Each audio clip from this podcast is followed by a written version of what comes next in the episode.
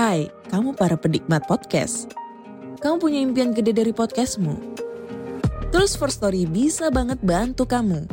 Mulai dari F-Link, Dynamic Audio Insertion, sampai statistik yang komprehensif. Semua ada di First Story. Gak ketinggalan kamu bisa monetisasi podcastmu lewat iklan dari First Story Ads yang bisa kasih kamu penghasilan dari setiap place podcastmu. Yuk gabung sekarang dengan klik di firststory.me. Sekali lagi, klik di firststory.me. Mari kita bawa mimpi podcastingmu menjadi kenyataan.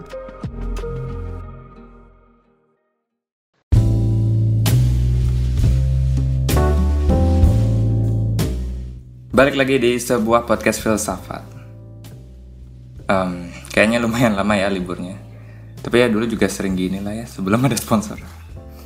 Emang udah sering libur sih, jadi ya, jadi udah biasa aja sih kalau kita ngambil break dan semoga belum bosen ya dengerin kita ngomongin filsafat.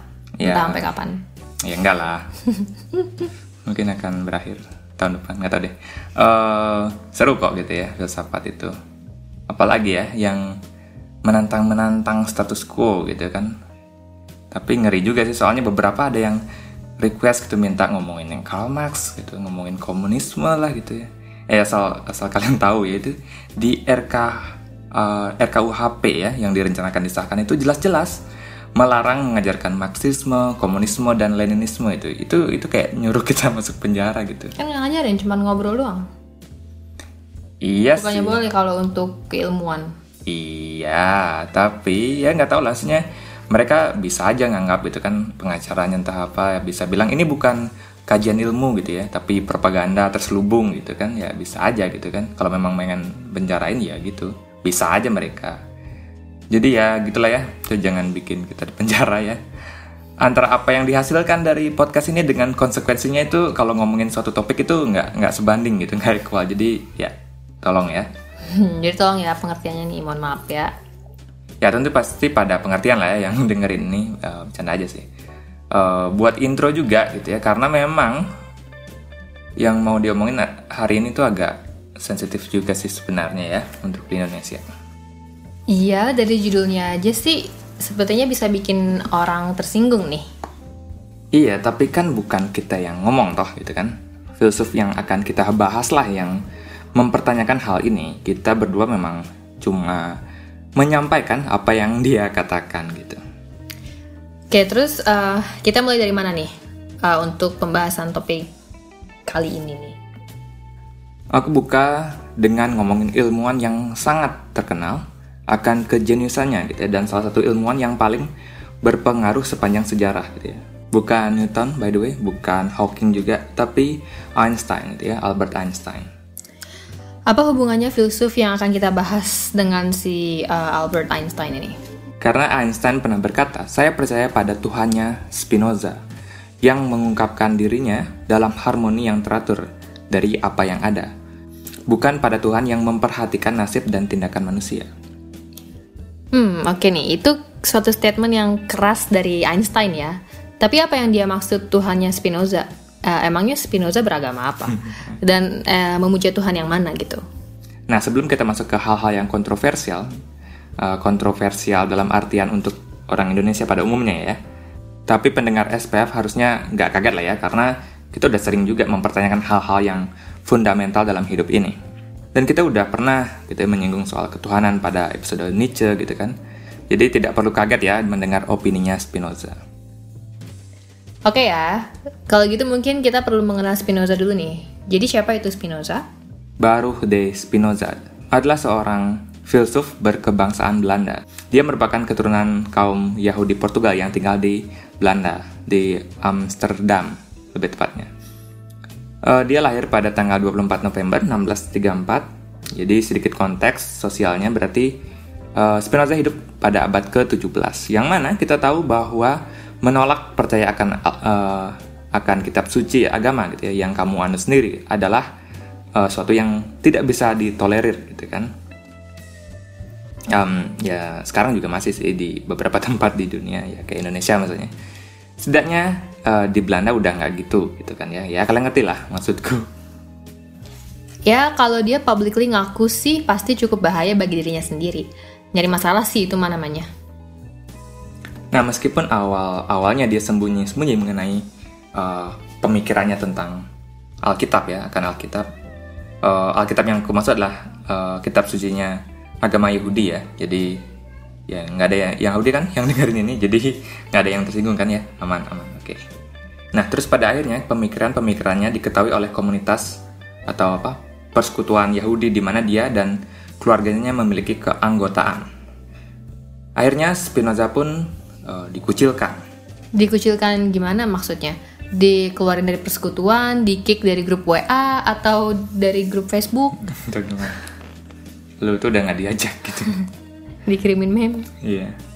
Uh, bukan cuma diusir ya, nggak ada yang boleh berkomunikasi dengannya gitu ya. Tidak ada yang boleh berkirim pesan dengan Spinoza, tidak ada yang boleh membantunya, dan bahkan tidak boleh satu atap dengan Spinoza. Ada bagian yang aku suka dalam pengucilan resmi dari persekutuan uh, Yahudi untuk Spinoza. Ada tertulis gini, Terkutuklah dia di siang hari dan terkutuklah dia di malam hari. Terkutuklah dia ketika dia berbaring dan terkutuklah dia ketika dia bangun. Terkutuklah dia ketika keluar, dan terkutuklah dia ketika masuk. Oh, itu bagian yang kamu suka, kutuk-kutukan. Bukan suka dalam artian suka ya, iya gitulah ya, maksudnya kayak eh uh, gitu aja gitunya. Apa? Kepada Spinoza itu gimana dia bacanya gitu kan. ya, biarin yang denger aja dia mikirin apa yang kamu maksud. Tapi aku masih penasaran, pemikiran macam apa sih yang sampai orang-orang Yahudi sendiri tuh ngusir Spinoza? Oke nih, berarti kita mulai masuk mengenai ide-ide yang Spinoza cetuskan. Karya Spinoza yang paling terkenal adalah buku yang berjudul Ethics. Buku tersebut merupakan karya ambisius dan radikalnya. Dalam buku ini, dengan beraninya dia memberi kritikan terhadap konsep-konsep Tuhan secara tradisional, ya, tentang manusia dan juga alam semesta. Dia ingin membuat kita melihat dunia sebagaimana adanya, bukan dunia di mana terdapat hal-hal supranatural gitu, yang di luar nalar manusia. Maka dari itu, hal pertama yang ia lakukan pada bukunya adalah mengungkap uh, misteri dari Tuhan dan menjelaskan fondasi metafisikanya gitu ya. Metafisika Spinoza terlebih dahulu. Ribet banget kayaknya nih ya, waduh nih. Hmm. Kamu bisa nggak bikin lebih simple gitu, nggak pakai metafisika?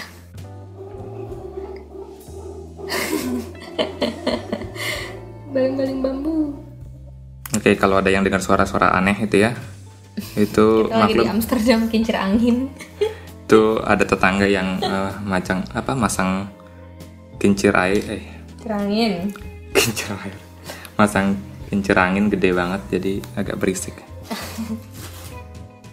Oke lanjut ya aku coba kita mulai pemikiran metafisikanya Spinoza dulu nih di dunia ini menurutnya hanya ada dua hal yakni substance dan mode gitu ya. Terjemahannya aku nggak tahu sih pastinya gimana. Tapi mungkin uh, substance ya yang cocok terjemahannya adalah pakai zat atau substansi gitu ya dan mode atau mungkin mode gitu ya, ya atau cara atau apalah gitu ya. Tapi mungkin aku akan tetap sebutnya substance and mode gitu. Nah, terus apa yang dimaksud Spinoza dengan substance and mode dan mode gitu ya?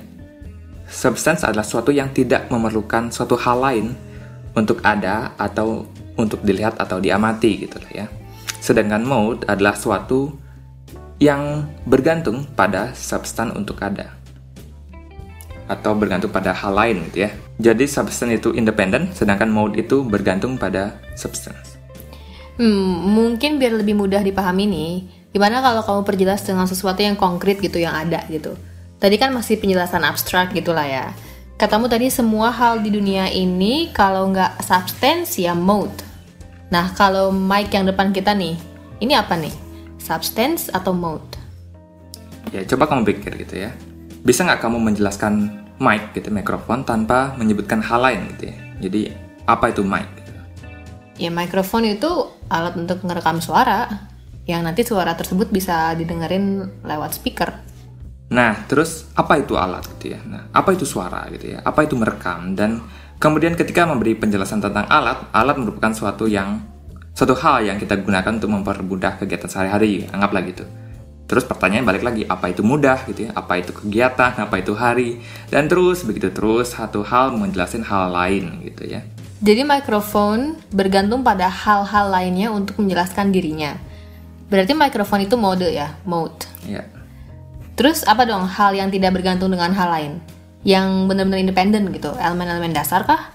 Atom? Tapi itu perlu dijelasin juga nggak sih? Kayaknya segalanya bergantung dengan hal lain untuk menjelaskan dirinya deh. Enggak, hanya ada satu hal yang self-explanatory gitu ya, yang sudah menjelaskan dirinya sendiri. Dan sebenarnya kamu udah sebut tadi. Hah? Yang mana?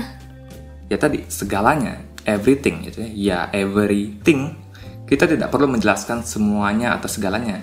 Ya, segalanya berarti semua yang ada. Inilah uh, substance menurut Spinoza dan totalitas ini, segala-galanya ini adalah Tuhan.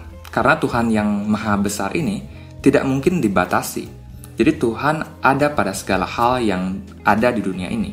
Dan maka dari itu, Tuhan menurut Spinoza juga bisa disebut sebagai alam semesta gitu atau universe, nature, alam, terserahlah kamu menyebutnya dengan kata apa gitu. Jadi uh, atheis yang tidak percaya akan keberadaan Tuhan bisa menggunakan kata lain kayak alam semesta, nature atau apalah yang cocok dengan mereka. Jadi intinya adalah totalitas dari semua ini. Iya, tapi dari sudut pandang konservatif ini adalah pandangan yang berbahaya. Dengan melihat Tuhan sebagai totalitas dari segala yang ada, berarti Tuhan bukan merupakan sosok gitu, bukan Tuhan personal yang melihatmu dari atas sana. Tuhan karena merupakan totalitas berarti Tuhan berada pada dirimu, diri orang lain, dan semua hal yang ada di dunia ini. Tuhan berarti pula gaya yang menggerakkan dunia ini, materi dan hukum-hukum fisika yang ada, gitu. Oh, makanya itu kenapa si uh, apa? Makanya Einstein suka dengan Tuhan versinya Spinoza. Terus berarti banyak hal yang bakal berubah dong dengan melihat Tuhan versi Spinoza ini. Dan kalau dipikir-pikir, hal ini dapat merubah total hubungan kita dengan Tuhan pada umumnya dong. Jadi tidak ada Tuhan personal nih yang mendengar dan menjawab doa-doamu gitu. Tidak ada yang menghukum orang, tidak ada yang ngasih reward terhadap tindakan baik. Iya, dan Spinoza mengkritik kegiatan berdoa gitu. Dia melihat berdoa sebagai tindakan di mana kita meminta Tuhan merubah sebagaimana dunia seharusnya berjalan. Itu bagi Spinoza adalah pemahaman yang salah. Karena tugas kita sebagai manusia adalah memahami bagaimana dunia bekerja dan bertindak sesuai dengan peraturan-peraturan yang ada. Bukannya gitu ya meminta Tuhan untuk membuat pengecualian buat dirimu aja gitu. Ya kayak gravitasi lah ya semua akan tunduk di hadapan hukum gravitasi. Entah kamu kaya, miskin, jahat, baik. Ya kan? Yang kita perlu lakukan adalah memahami bagaimana gravitasi bekerja. Benar, karena Spinoza juga sebenarnya cukup ngefans ya dengan pemikirannya stoikisme. Daripada sibuk untuk membuat dunia sebagaimana yang kita ma kita mau gitu, harusnya kita paham bagaimana dunia itu bekerja gitu dan reaksi kita lah yang kita kendalikan atau kita kontrol gitu, bukan mengontrol dunia ada quotes-nya dari Spinoza nih. Uh, Barang siapa yang mencintai Tuhan tidak dapat berusaha agar Tuhan mencintainya sebagai balasannya. Apa maksudnya Spinoza bilang gitu? Mungkin yang ia maksud adalah jika kamu percaya Tuhan yang Maha Kuasa menciptakan dunia ini dengan segala hukum-hukum alamnya dan segala perhitungan beliau gitu ya. Perlu membengkokkan peraturan yang ia buat sendiri hanya demi dirimu itu maaf ya bagi Spinoza itu terlalu naif dan narsis gitu. Oh jadi bukan maksudnya Tuhan itu tidak mencintai manusia, sebaliknya ya? Hmm, kalau untuk itu seperti yang sudah kita bahas tadi bahwa Tuhan versi Spinoza adalah alam semesta dan segala totalitas yang ada. Tuhan tidaklah memiliki emosi-emosi manusia seperti cinta, senang, sedih, amarah, atau apalah itu ya. Itu nggak ada. Itu hanyalah proyeksi manusia terhadap Tuhan karena manusia melihat dirinya sendiri gitu. Aku pernah dengar entah dari mana ya, ada yang bilang gini, kalau segitiga punya Tuhan gitu ya, segitiga pasti mengira Tuhan itu berbentuk segitiga juga gitu. Hmm. Jadi bayangan kita mengenai Tuhan itu most likely cerminan diri kita sendiri ya, bukan pandangan objektif mengenai Tuhan. Menurut Spinoza seperti itu ya. Kata Spinoza ya? Iya, kata Spinoza. Maka dari itu Spinoza menekankan kita untuk lebih memahami Tuhan yang berarti ia memahami alam semesta itu sendiri, beserta aturan-aturan yang berlaku, mempelajari hukum-hukum fisika yang ada misalnya, Jadi Tuhan versi Spinoza haruslah kita dekati dengan logika dan nalar, dengan berpikir dan menguak misteri-misteri semesta yang belum terungkap. Oke, setelah kita paham akan Tuhan dan alam semesta yang Spinoza maksud, terus apa dong? Selain berubah perspektif dalam bagaimana kita berhubungan dengan Tuhan ya, emang apa yang akan berubah dari kehidupan kita? Gak banyak sih, Walaupun judul bukunya Ethics, yang mana harusnya mengenai bagaimana manusia seharusnya bertindak atau berperilaku, tapi Spinoza lebih menekankan tentang pentingnya memahami dunia ini dan bertindak dengan mengandalkan rasionalitas. Nah, dengan memahami bahwa semua terkoneksi satu sama lain gitu ya, seperti penjelasan mengenai mikrofon tadi ya, bahwa kita bisa melihat ada ada rantai sebab akibat ya pada berbagai hal di dunia ini gitu. Ini menjelaskan ini, ini berhubungan dengan itu gitu kan dan jika kita bisa melihat rantai ke belakang itu, melihat mundur gitu, kenapa suatu hal itu terjadi gitu ya. Berarti apa pun yang terjadi di masa depan juga terikat oleh rantai sebab akibat gitu. So, determinisme dong ujung-ujungnya. Iya, Spinoza percaya bahwa semua sudah ditentukan dan kita tidak memiliki kehendak bebas atau free will. Ya, kita udah sering ngomongin ini juga sih. Jika semua hal di dunia ini tunduk akan hukum fisika dan sebab akibat, maka apa pun sudah ditentukan atau determine gitu kan. Termasuk reaksi kita, emosi kita, pilihan-pilihan kita dalam hidup nih. Bahkan jika kamu pikir kamu berhasil melakukan hal yang random sekalipun, itu pun udah ditentukan. Gitu guys. Kalau yang lupa bisa cek-cek lagi ya di episode lama mengenai uh, free will versus determinisme. Dan kemarin pas segmen apa sebuah obrolan juga udah nyinggung masalah ini lagi gitu ya. Nah, kalau emang semua sudah ditentukan, kenapa perlu etika? Kenapa Spinoza repot-repot nih nulis buku mengenai ethics? Toh apa pun juga pasti akan terjadi. Kenapa perlu nyuruh orang untuk bertindak A, B, C? Ya biarin aja ada orang mau ngapain gitu kan. Lagian itu pasti udah ditakdirkan. Ya itu emang selalu gitu kritikan yang muncul mengenai determinisme. Kenapa kita harus peduli? Karena kalau memang kita tidaklah bebas. Spinoza meyakini bahwa meskipun kita terikat di dunia yang deterministik ini, namun untuk percaya bahwa kita bebas adalah sebuah fiksi yang penting dan berguna. Jadi kayak uang lah ya. Kita tahu itu kertas doang nih. Nilai yang ada pada kertas itu fiksi, tapi sangat berguna untuk kita bisa menukarkannya dengan benda ataupun jasa yang kita perlukan. Ya gitu, dengan memandang dunia dengan sudut pandang deterministik, mau tidak mau kita akan cenderung melihat kebaikan maupun kesalahan orang lain tidak murni karena niat mereka. Ya masuk akal lah dia psikopat gitu contohnya background keluarganya bapak ya pemabuk tipikalnya ibu ya maaf ya PSK gitu kan dari kecil sering uh, di abuse gitu lingkungan gak ada yang peduli. Ya gimana? Emang dia punya pilihan untuk tidak menjadi psikopat gitu ya? Ya nggak usah se ekstrim itu lah ya contohnya. Kayak anak-anak jalanan aja susah gitu keluar dari lingkaran setan kemiskinan gitu ya. dan yang kaya dengan segala privilege-nya dan keluarga yang akur orang tua berpendidikan gitu ya. Untuk jadi manusia yang menyimpang itu agak apa ya chance-nya low lah situ tentu ada. Itu pun mungkin karena ada masalah cara mendidik orang tua terlalu dimanjain atau broken home atau apalah gitu. Nah kalau gitu nggak adil dong menghukum orang-orang yang melakukan kejahatan. Begal maling atau apalah yang kita cek backgroundnya ya emang ya suram lah dari awal. Nah inilah yang dimaksud kebebasan itu fiksi yang berguna. Kalau kita tidak menganggap tanda petik ya menganggap kalau kebebasan itu ada, kita tidak punya alasan untuk menghukum orang-orang ini. Tapi kalau kita tidak menghukum orang-orang ini ya, maka tidak akan ada efek jerah, tidak ada tekanan sosial yang membuat calon-calon kriminal ini menahan dirinya untuk tidak berbuat kejahatan. Maka dari itu, adalah hal penting untuk kita berpura-pura gitu ya bahwa kebebasan itu ada, supaya ke depannya meminimalisir kejahatan. Kebebasan menurut Spinoza adalah ketika manusia mampu menyadari dan memahami bagaimana dunia bekerja ya termasuk mengetahui bahwa hidup ini deterministik ya kalau di film Watchmen gitu ya Dr. Manhattan bilang aku adalah boneka yang mampu melihat talinya sendiri jadi mungkin bisa dibilang manusia berpikir dia memiliki kebebasan pun sudah ditentukan dengan begitu dunia ini tidak kacau dan dipenuhi kriminal Oke nih, tapi tetap yang akan menjadi pertanyaan orang-orang adalah kenapa harus hidup beretika? Kalau ternyata Tuhan adalah alam semesta itu sendiri ya tidak ada makna ataupun tujuan yang suci dalam hidup ini gitu. Kita hanya ngikutin pergerakan semesta dan menjalani hidup tanpa makna. Iya, kenapa harus ada makna? Tentu kita sebagai manusia ingin apa pun itu yang terjadi pada hidup ini memiliki makna dan tujuan. Ya karena Kita sehari-hari melihat apa pun memiliki tujuannya. Pisau kita gunakan untuk memotong, pensil berguna untuk menulis. Makhluk hidup lain pun sepertinya punya tujuan gitu ya. Kayak lebah gitu biasanya, eh, membantu proses penyerbukan tanaman. Dan banyak contoh lainnya. Terus kita ngapain gitu ya? Guna kita apa? Ya tentu tidak ada divine purpose gitu ya atau tujuan ilahi seperti uh, menurut Spinoza. Namun, kita sebagai manusia haruslah tetap hidup beretika dan hidup dalam harmoni antara satu dengan yang lainnya. Kenapa gitu?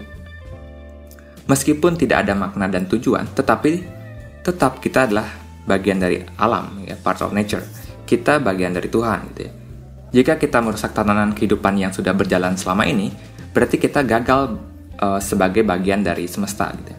Dan tidak bisa dibenarkan untuk menyakiti satu sama lainnya, karena kita ya satu kesatuan, gitu ya. Aneh aja tidak rasional untuk menyakiti kalau kita satu kesatuan gitu ya satu substance uh, atau totalitas gitu ya si Spinoza ini indie banget senja banget ya anaknya ya semesta dah pokoknya semesta kung semesta mendukung dah berarti emang nggak rasional ya untuk hidup tidak bermoral ya dan kalau buku ethics ini bisa direpresentasikan dengan satu kata ya kata itu adalah rasionalitas jadi manusia itu yang rasional aja deh gitu ya dalam hidup ini dan kamu sudah bisa dikatakan menjalani kehidupan yang bermoral. Nah, gitulah ya kira-kira mengenai Spinoza dan pemikirannya. Dan dengan pemikirannya tersebutlah yang membuatnya diusir dari persekutuan Yahudi. Pada akhirnya dia kabur dari Amsterdam dan menetap di Den Haag. Di sana dia bekerja sebagai lens grinder gitu ya. Lens grinder itu apa ya? Zaman dulu tuh orang yang apa membentuk lensa gitu ya, dikikir gitu ya yang dipakai untuk teleskop atau mikroskop atau mungkin kacamata juga gitu ya. Dia hidup tenang di sana hingga akhirnya dia meninggal pada tahun uh, eh, 1677. Dia meninggal cukup muda di usia ke-44. Dia meninggal kemungkinan ya karena penyakit pada paru-parunya akibat debu-debu kaca yang masuk ke paru-paru ketika dia bekerja gitu. Kan belum ada apa masker khusus gitu ya di dulu. Ruh tragis juga ya nasibnya Spinoza. Dipaksa kabur karena pemikirannya sendiri kemudian terserang penyakit dan meninggal uh, akibat pekerjaannya. Ya, gitulah ya. Walaupun pada di abad ke-17 tersebut karya Spinoza tidak terlalu laku gitu ya. Tapi kita sekarang mulai lihat gitu ya banyak yang kagum akan karyanya Spinoza. Dan dia dikenal sebagai salah satu filsuf yang menginfluence banyak filsuf-filsuf lain setelahnya. Oke, gitu aja kali ya untuk episode kali ini. Ya, gitulah ya, itu aja. Lakukanlah yang harusnya kalian lakukan gitu ya supaya makin banyak yang dengerin podcast ini ya. Nggak perlu dikasih tahu lagi kan ya harus apa. Like subscribe. Oke gitu aja ya. Uh, aku yoga. Di sini email. Bye. Bye